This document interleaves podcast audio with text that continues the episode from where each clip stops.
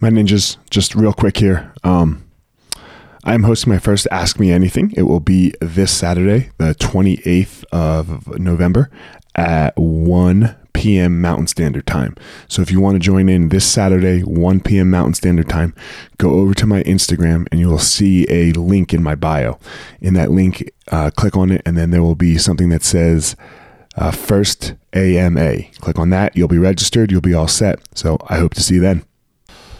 My ninjas, I hope you're happy. Hope you're healthy. Excuse me, healthy, and hope you're well and safe. Um, Thanksgiving week here, uh, Tuesday before Thanksgiving. And it's so easy.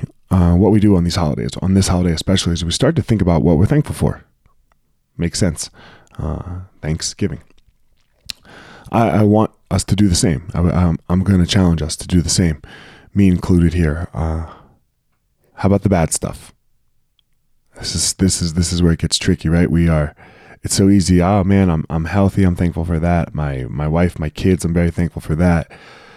How about these problems in my life? How about COVID?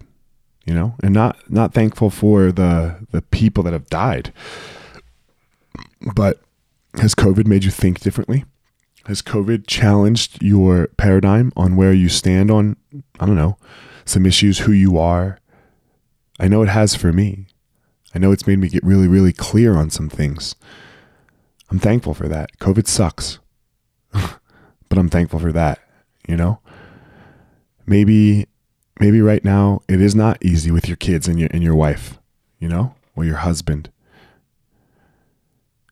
Are you thankful for the struggle of it? Because we know, I mean, this podcast, this this everything everything that I do here is called the gospel of fire.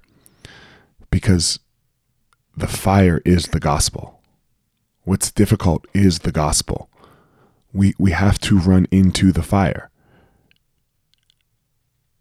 But yet we don't want to. We never want to. It's never like, all oh, right, yeah, fuck yeah, here we go. I, I get to struggle again.